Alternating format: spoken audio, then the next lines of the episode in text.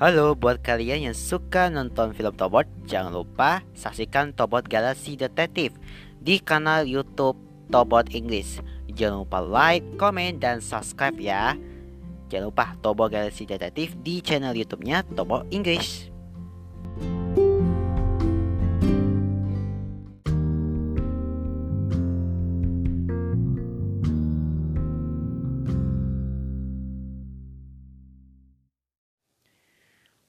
Bismillahirrahmanirrahim Assalamualaikum warahmatullahi wabarakatuh Apa kabar sahabat Tyler semua? Mudah-mudahan kita semua dalam keadaan sehat selalu Termasuk kita menjalani bulan yang penuh berkah ini yaitu bulan Ramadan Karena apa pun yang kita kerjakan di bulan Ramadan ini pasti diterima oleh Allah Subhanahu wa taala. Amin ya rabbal alamin.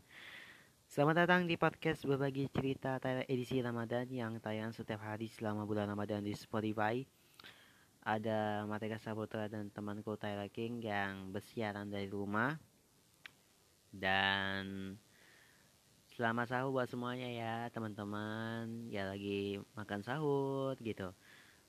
Nah, kali ini kita akan membicarakan satu topik Ramadan yang paling dinantikan yaitu durasi waktu berbuka. Hmm.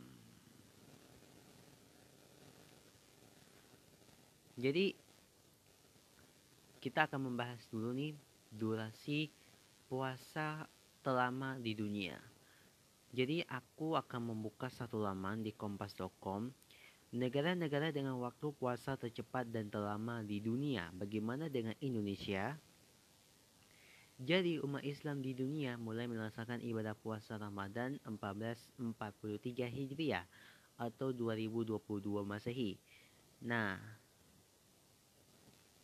di Indonesia ibadah puasa Ramadan itu 1442 Hijriah dilaksanakan uh, mulai hari berapa itu ya? Sabtu atau enggak Jumat lah ya selama 30 hari ke depan. Oke. Okay? Rata-rata lama waktu puasa itu di sekitaran 12 sampai 13 jaman saja. Tapi tahukah bahwa ada negara-negara dengan lama waktu puasa tercepat sampai 11 jam dan terlama sampai 18 jam. Hal ini karena dipengaruhi perbedaan letak geografis sehingga waktu terbit fajar dan terbenamnya matahari juga berbeda ya. Nah, berikut ini daftar negara dengan lama waktu puasa terpanjang dan terpendek di dunia, serta perbandingannya dengan Indonesia. Negara dengan waktu puasa terpanjang menurut Al Jazeera Ramadan ini mereka yang tinggal negara-negara bagian utara bumi akan menjalani waktu puasa lebih panjang ketimbang mereka yang tinggal di selatan. Tanggal 12 Maret, eh 12 Maret lagi. Tanggal 12 Mei 2021 itu merupakan hari ketika umat Islam di beberapa negara utara harus menjalani puasa dengan durasi waktu yang sangat panjang. Paling lama adalah Greenland dengan waktu puasa itu mencapai 19 jam 57 menit Nah, berikut adalah daftar negara-negara dengan waktu terpanjang. Ada Noot Greenland. Noot Greenland puasanya itu 19 jam 57 menit. Terus ada juga di Islandia puasa 19 jam 56 menit. Finlandia 19 jam 09 menit. Terus ada juga Stockholm, Swedia puasanya itu 18 jam 58 menit dan Glasgow Skotlandia itu puasanya itu 18 jam hingga 3 18 jam 36 menit. Negara dengan waktu puasa terpendek Mesir dari Al Jazeera muslim yang tinggal di negara-negara sisi selatan bumi akan menjalani puasa dengan durasi yang lebih pendek ketimbang saudara mereka di utara. Nah, tanggal 12 Mei itu merupakan Tunggu aku buka dulu ya. Ya, tanggal 12 Mei itu e, merupakan hari ketika umat Islam itu di beberapa negara selatan itu menjalani puasa dengan durasi waktu terbilang singkat. Paling pendek adalah Selandia Baru dengan waktu puasa itu sekitar 11 jam 20 menit. Nah, ada berikut ini daftar negara-negara dengan waktu puasa terpendek. Ada Krashkok Selandia Baru 11 jam 20 menit. Terus ada juga Chile, puasanya itu 11 jam 30 menit. Cambria, Australia dengan puasa 11 jam 47 menit. Uruguay puasanya 11 jam 48 menit. Dan Cape Town, Afrika Selatan dengan puasa 11 jam 52 menit. Nah, lantas bagaimana dengan lamanya puasa di Indonesia? Nuo di Greenland itu memiliki lama waktu puasa terpanjang dan Christchurch di Selandia Baru dengan lama waktu terpendek. Bagaimana dengan Indonesia? Pada Ramadan ini, muslim di Indonesia rata-rata berpuasa selama 12 sampai 13 jam saja. Menutip kompas.com, astronom amatir Marifin Subi Sudi Subibyo menjelaskan penyebab, penyebab terjadinya durasi puasa yang berbeda-beda berbeda-beda antar negara dan dia menjelaskan puasa dimulai saat cahaya fajar astronomis muncul di kaki langit timur dan berakhir ketika piringan ke atas matahari meninggalkan garis kaki ke langit barat dan atau terbenam sempurna. Namun kedudukan matahari berbeda-beda ya mengikuti uh, gerak semu tahunannya. Terus sehingga Durasi puasa di seluruh dunia pun berbeda-beda tergantung kedudukan garis lintangnya. Indonesia yang berada di kawasan tropis tidak terlalu terpengaruh oleh fenomena ini. Karena kedudukan matahari yang mengalami gerak semu tahunan di antara garis balik di antara garis balik utara itu hingga garis balik selatan. Namun lain ceritanya dengan negara-negara di kawasan subtropis. Nah, durasi puasa jadi berbeda-beda nih seiring dengan peningkatkan garis lintang.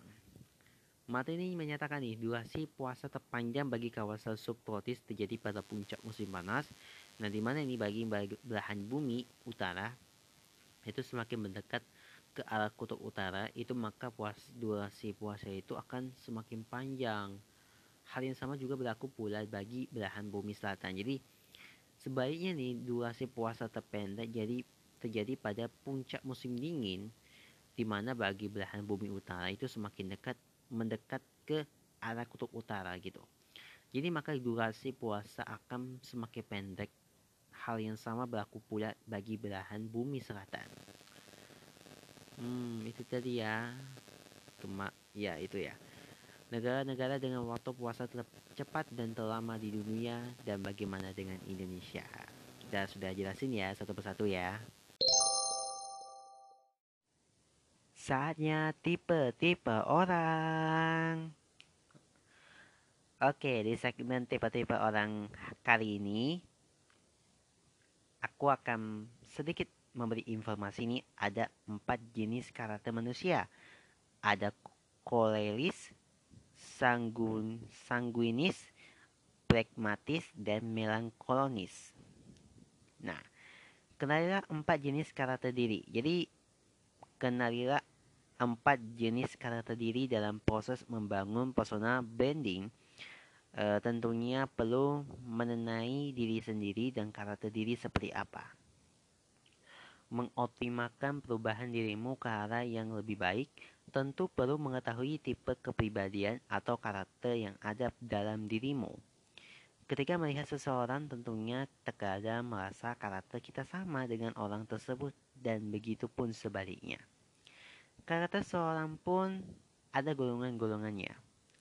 Hal tersebut dapat diketahui melalui sifat, sikap, dan perilaku seseorang Mengetahui karakter seseorang juga membantu dalam memahami lawan bicara pada interaksi sosial dengan orang-orang sekitar. Nah, mengetahui karakter seseorang memungkinkan kita untuk bisa mengkondisikan sikap atau perilaku tertentu yang sesuai dengan lawan bicara. Nah, karakter manusia itu dibedakan menjadi empat loh, yaitu pragmatis. Pragmatis itu memiliki unsur kepribadian yang dingin. Pragmatis ini sering dikenal sebagai orang yang cinta damai. Karakter ini menunjukkan pribadi yang lebih tenang, cenderung diam, mudah teratur, suka mengalah, dan tidak menyukai adanya konflik. Orang dengan kepribadian ini cenderung menyukai ke kehidupan yang damai-damai saja. Namun, pada saat dihadapkan dengan masalah, mereka akan cenderung kesulitan dalam mengambil keputusan dan sering menunda-nunda. Namun, sifat buruk seseorang pragmatis ialah sering memendam masalah karena tidak enak dengan orang lain, sehingga merugikan hidupnya. Kepribadian alami pragmatis ini akan baik jika ditempatkan pada suatu pekerjaan seperti perawat, guru, psikolog, dan konseling. Yang kedua, melankronis. Melankronis itu memiliki unsur kepribadian yang basah. Melankronis itu dikenal memiliki pembawaan yang serius dan tekun sehingga dalam membuat perencanaan akan dilakukan secara detail. Melankronis itu biasanya itu juga dikenal dengan sifat perfeksionis karena mereka memiliki karakter cenderung rapi, teratur, terencana, dan mampu mempertimbangkan segala sesuatu yang setelah melihat hal-hal kecil. Orang dengan tipe ini cenderung suka mengatur orang lain, suka mengontrol semuanya sendiri, bicaranya dingin, sesuai aturan dan baku, serta selalu ingin tahu dan mengejar jawaban sampai mendalam karena menginginkan kesempurnaan. Kepribadian alami melankolis itu akan semakin baik jika ia memilih menjadi manajer, akuntan, pekerja sosial, dan administratif. Sanguinis Sanguinis itu memiliki unsur kepribadian yang panas. Sanguinis itu ini dikenal memiliki pembawaan yang ceria, aktif, dan optimistis.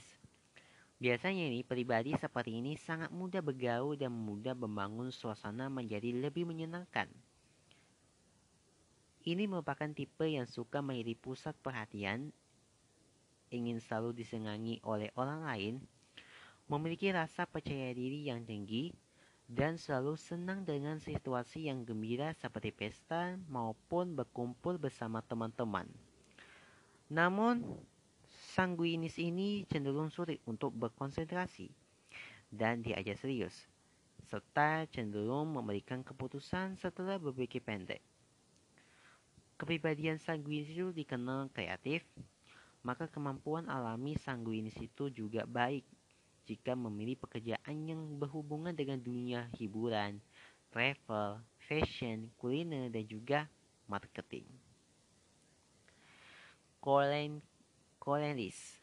Koleris itu memiliki unsur kepribadian yang kering. Koleris ini dikenal memiliki pembawaan emosional, logis, dan keras kepala. Kepribadian koleris itu merupakan tipe kepribadian seseorang pemimpin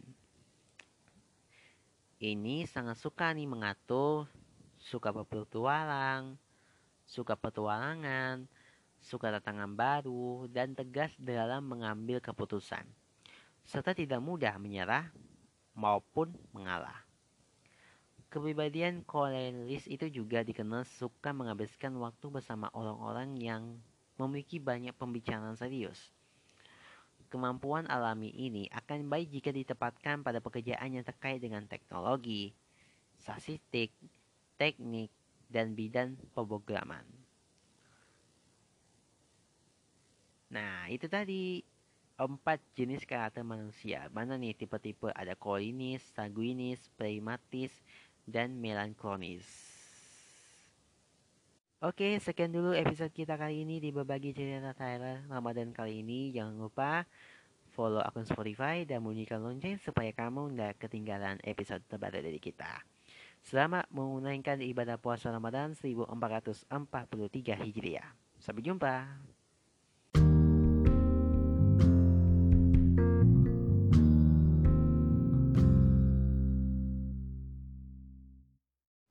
Berbagi cerita Tyler hanya di Spotify.